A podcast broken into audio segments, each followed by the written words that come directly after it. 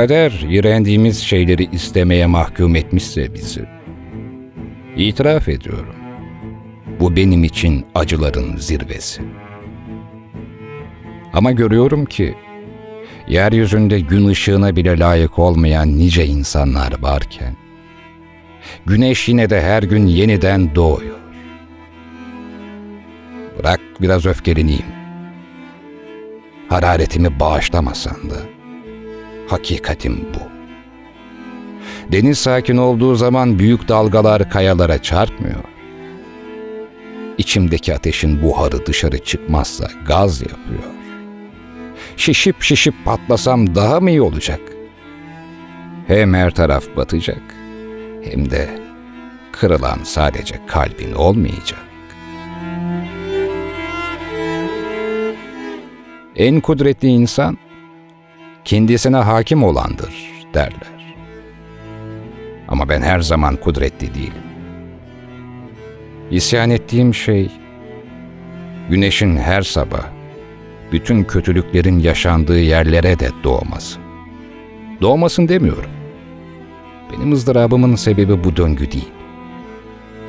Bunun nedenini biliyor olmam. Bazen anladığınız şey isyanınızı azaltmaz. Sorunuzun yanıtı ne kadar doğru olsa da acınız hafiflemez. İşte o zaman kayalara vuracak bir dalga manzarası mı hoşunuza gider, yoksa suspus olmuş bir liman mı?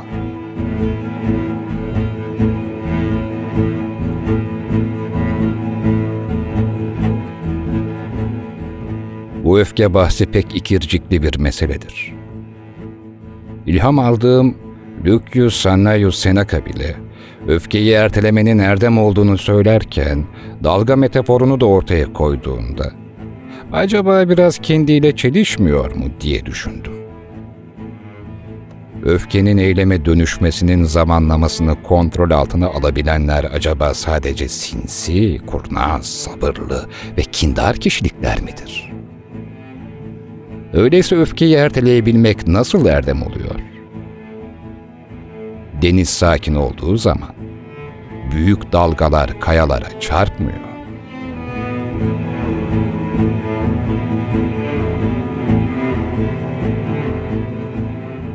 Anlayan bir insana tahammül etmek, anlamadığınız şeylere tahammül etmekten daha zor değil mi? Hepimiz bizi anlayanların canını yakar, anlamayanlara tahammül ederiz. Ve belki tam tersi olsaydı, sevdiklerimizden uzak durmak bu kadar kolay olmazdı. İnsanın duyguları zıtlıklarla kadim olsa da, yine hep bir şeyleri kabul edilemez bir yasayla dengeliyor. Ömrüm boyunca zevkleri tartışmalı dedim.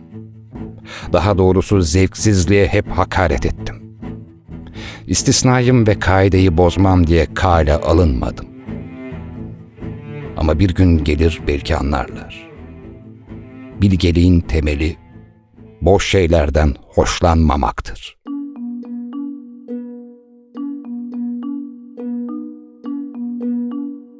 Hakikat daima azınlıktadır. Ve azınlık daima çoğunluktan güçlüdür.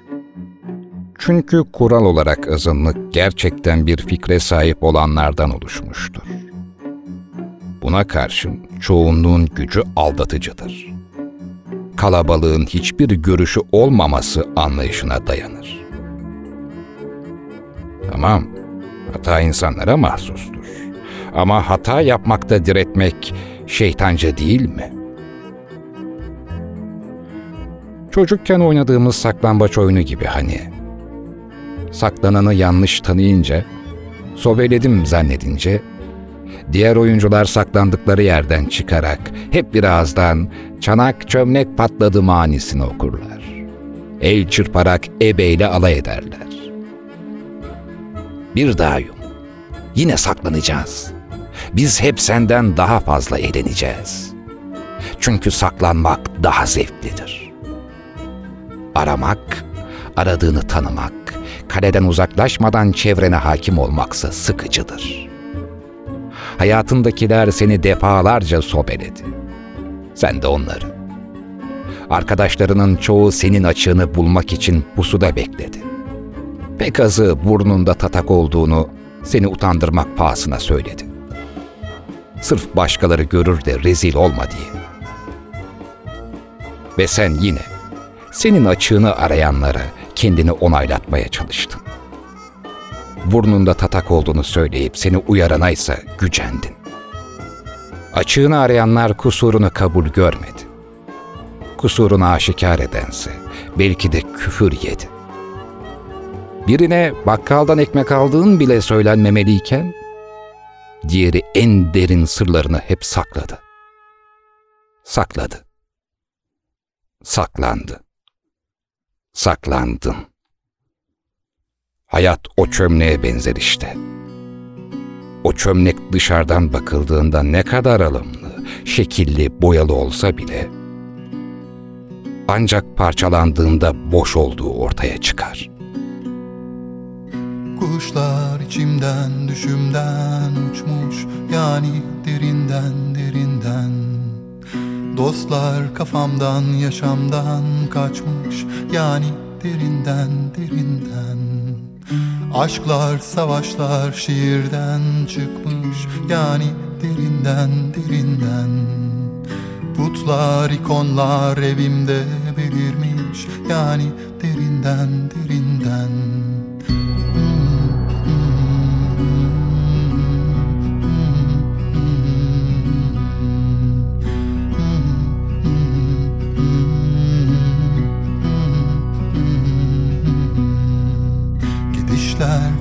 köpüşler sokakta yaşarmış. Yani derinden derinden.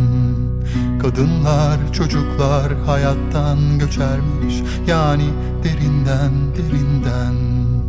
Adamlar babamlar ölürmüş derinde. Yani derinden derinden. İnsan özünden düşermiş bazen. Yani derinden derinden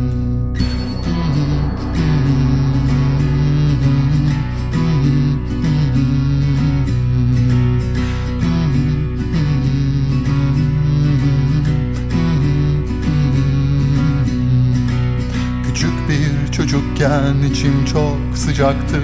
Yani derinden derinden. Allah yukarıda ve toprak sıcaktı. Yani derinden derinden. Dünya dönerdi ya ben de dönerdim. Yani derinden derinden. Annem gülerdi ya ben de gülerdim. Yani derinden derinden Bugünlerde ruhumda korkunç bir ur var. Derinlerde sinmiş, semirmiş bir sansar. Sönmüş, tükenmişti, bitmişti sancak. Yani derinden, derinden.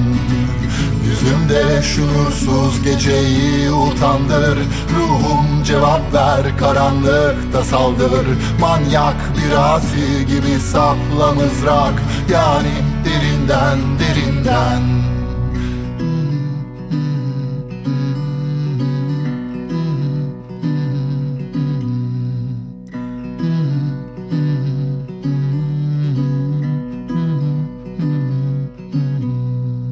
Annemin plakları.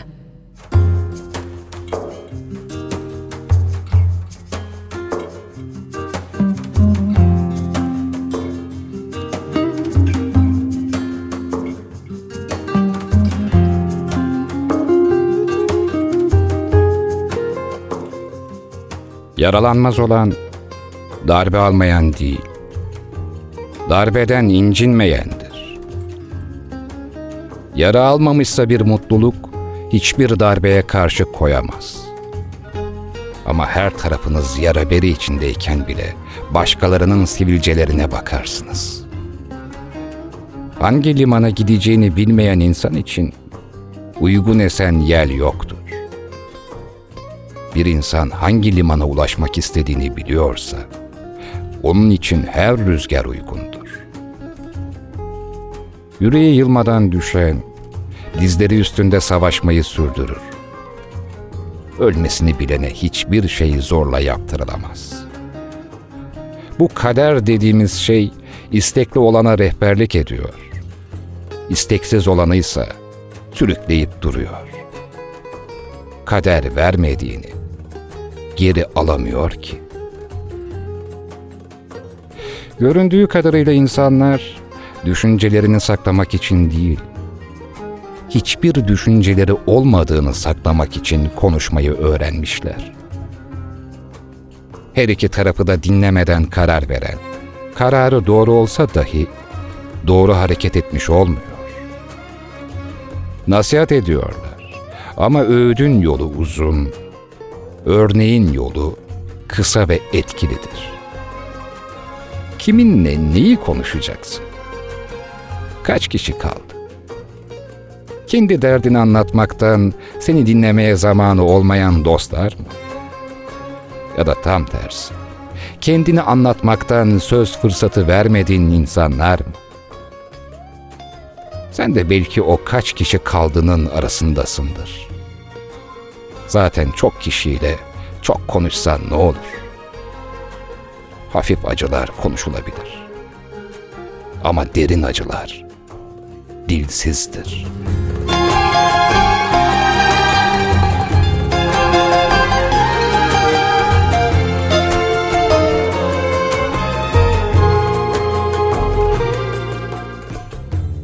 Birlikte olduğun insanın geçmişini kurcalamak, onunla kurmayı düşündüğün geleceği yok etmekten başka bir şey yaramıyor çoğu zaman. Sen yine de insanları tanımak için onları sınamaktan korkma.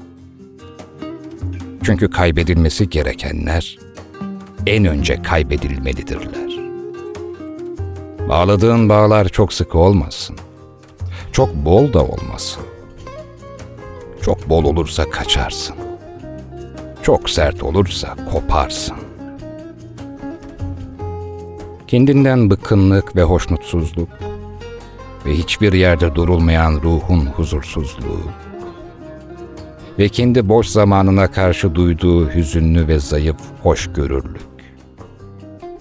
Sürekli iki yüzlülükle azap çekmektense, içtenlikten dolayı hor görülmek daha iyi değil mi? Bir hakareti görmezden gelmek çoğu zaman öcünü almaktan daha iyi değil mi? Doktor kendini kaybetmiş bir hastanın huysuzluklarına kızmaz. Ateşlendiği bir sırada kendisine dil uzatmasına da sinirlenmez.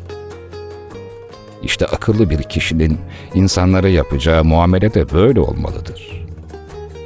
Cüce, dağa da çıksa cüce, dev kuyuya da girse devdir.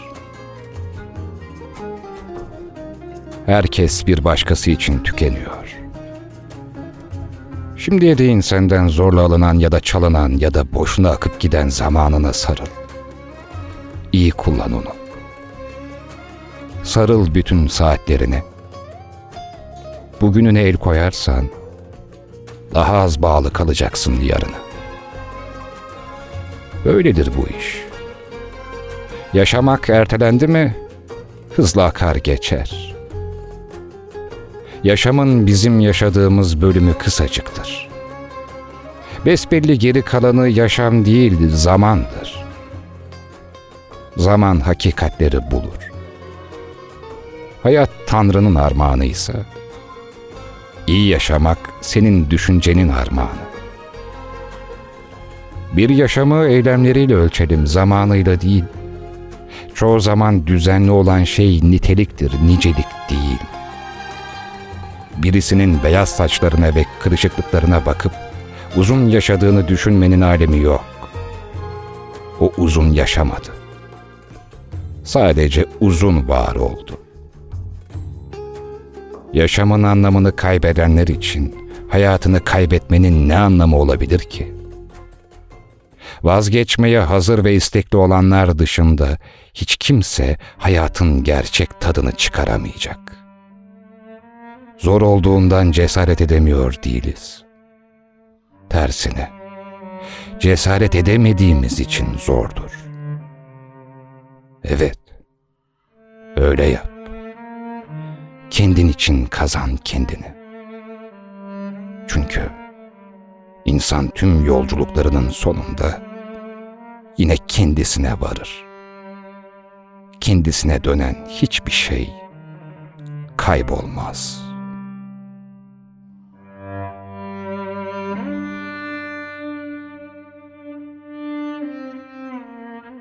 Refah dolu bir yaşam sıradan insana da nasip olur. Sıradan yeteneklere de. Ama ölümlülerin başına gelen felaketleri ve korkuları boyunduruk altına almak ancak büyük adamın işidir. Sürgit mutlu olmak, zihinsel acı çekmeksizin bir ömür sürmek, doğanın bir yanına yabancı kalmak demektir. Büyük adamsın.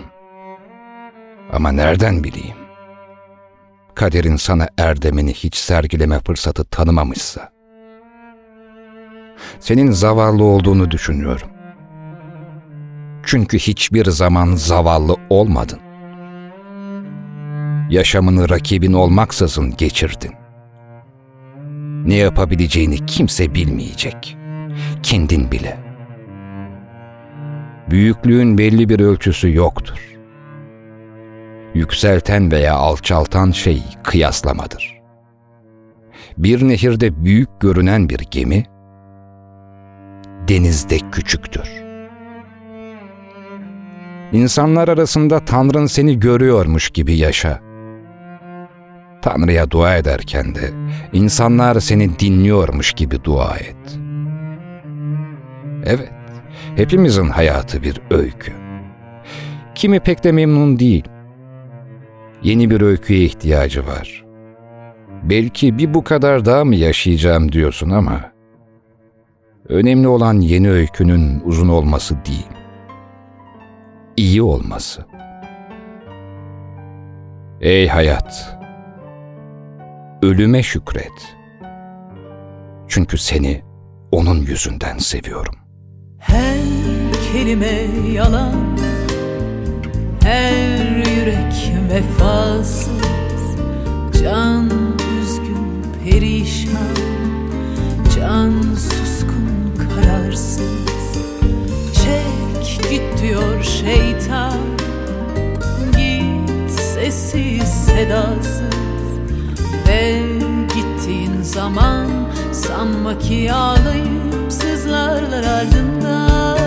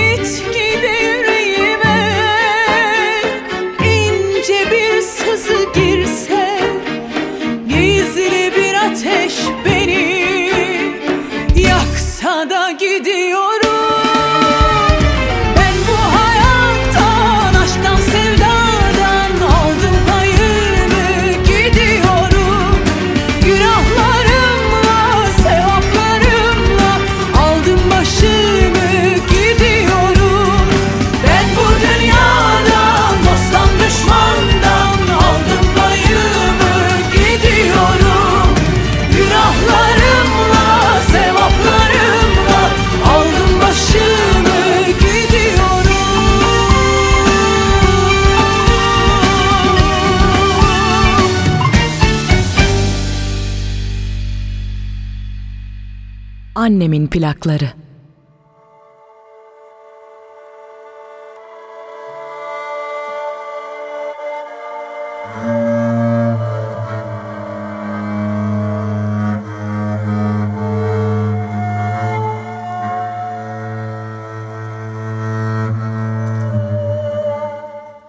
İnsanın kendi karmaşasını görüp anlaması çok korkunç bir şey. Bütün insanlar kendi içlerinde tutsak mıdır? Sen kendi hayatında, ben kendiminkinde. Herkes kendi hücresinde. Bütün insanlar çok garip değil mi? Her zaman doğru kelimeler söylüyor. Doğru şeyler yapıyorsun ama sonuç yine de yanlış oluyor.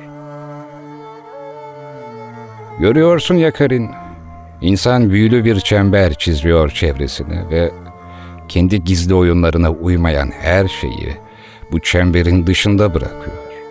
Yaşam bu çemberi aştığı zaman oyunlar küçük, karanlık ve gülünç oluyor. O zaman kişi yeni çemberler çiziyor kendine ve yeni bir sığınak kuruyor. Bana zavallı babacığım demiştin. Evet. Gerçekliğin içinde yaşamak zorunda olan zavallı baban. Hamlet'teki baba hayaleti gibi bir baba hayaleti yarattın kendine kızım. Ve ben sana sevgimi göstermedikçe gitgide gözünde nasıl da putlaştım. Ama sonra gerçeklik paramparça oldu. Ben dışarı düştüm Sanki bir rüyaydı. Asıl delilik benim sana söylediklerim değil. Seni azımsamam değildi. Senin için asıl delilik benim sessizliğimdi.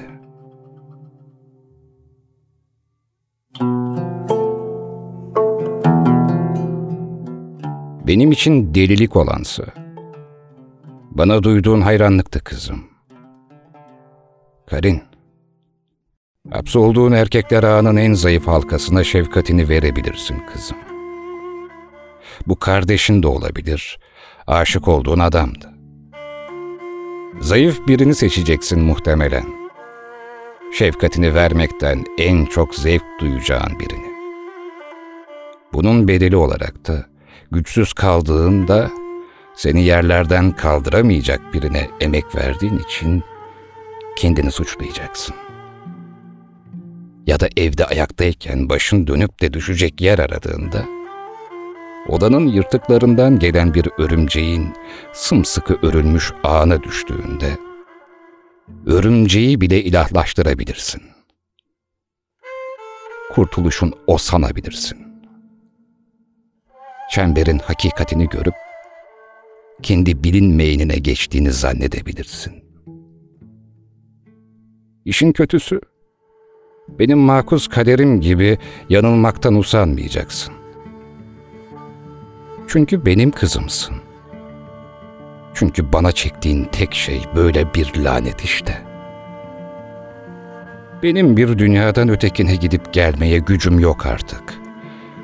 Sen hakikatin arayışını sürdürürken dünyanın oyuncaklarından vazgeçemeyen iki yüzlü modern çağ insanının dengesizliğini resmediyorsun gözlerimin önünde. Bu dengesizliğine öküzün altında buzağı aratan sanrıların eşlik ediyor. Kimi zaman da altında buzağı aradığın öküz yüreğine oturacak.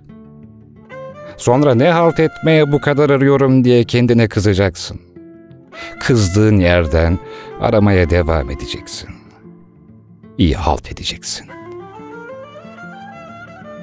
Tek ısrar eden sen değilsin. Tanrı kendini bu savrulmalar evreninde aynaladığı gibi aynanın ardına gizlenip kadim saklambaç oyununu bitirmemekte ısrar eder. Bu ısrarında da her makamından attığı imzalarda da sır üstü sırlar vardır. İnsan aklının eremediği sır üstü sırlar.''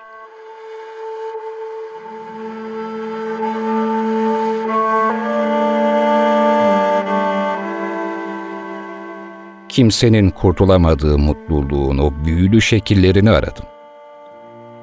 Ama bulsam ne olacaktı ki? Musa bile yüzünü kapamıştı. Çünkü Tanrı'ya bakmaya korkuyordu. Hakikatle karşılaştığımı her sandığımda altımı ıslatmadığımı nereden biliyorsun? Hayatın boyunca sidikli bir kız gibi mi gezmek istiyorsun? Annem de öyleydi. Hep sidik kokardı. Kafayı tozutmuşla ermiş olanın ayrımına nasıl varacaksın? Babaannen sence ermiş miydi yoksa pasaklı bir kadın mı? Erdiyse de erdiği şey ona iyi geldi mi? Bunu kendisine sormaya hep korktum.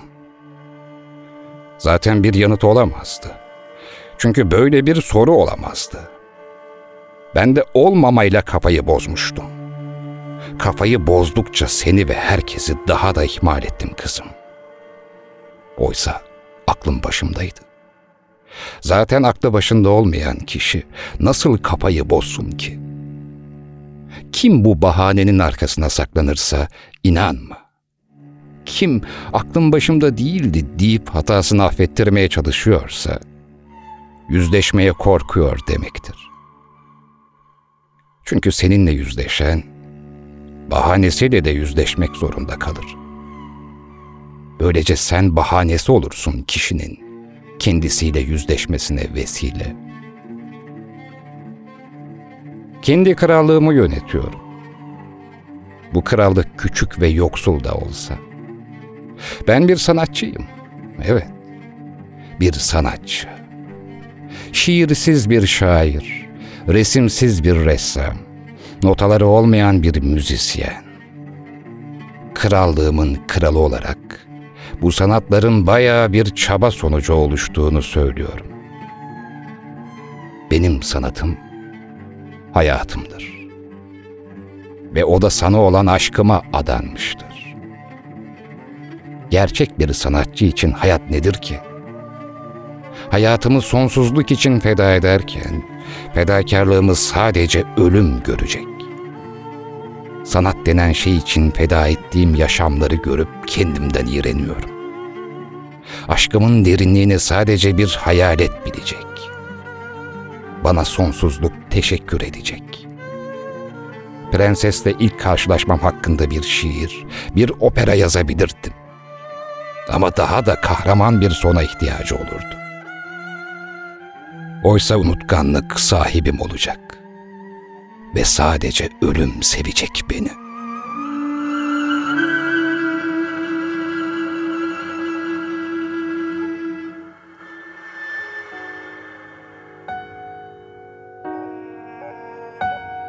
İçimde bir şey kanıyor Keskin bir vedanın yarası sızlıyor Yüzümde bir şey soluyor.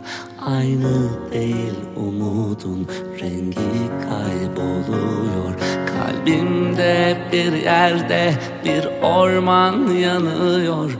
Bıraktığın şarkılar sahipsiz susuyor. Şiirler hep dargın, dualar şifasız. Ömrüme mıhlanmış bir cümle Kül olur kalbindeki samanla Yana yana yana yana yana yana yana.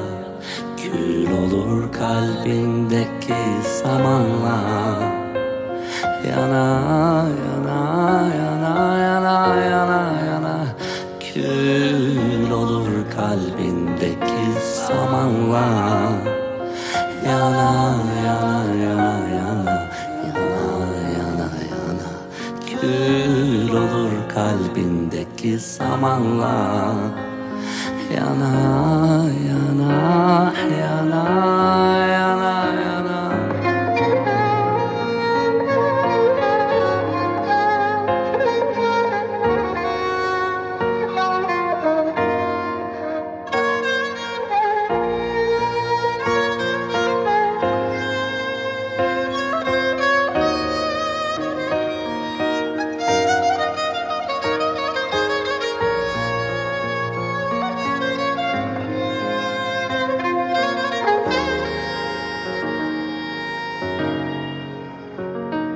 Annemin plakları.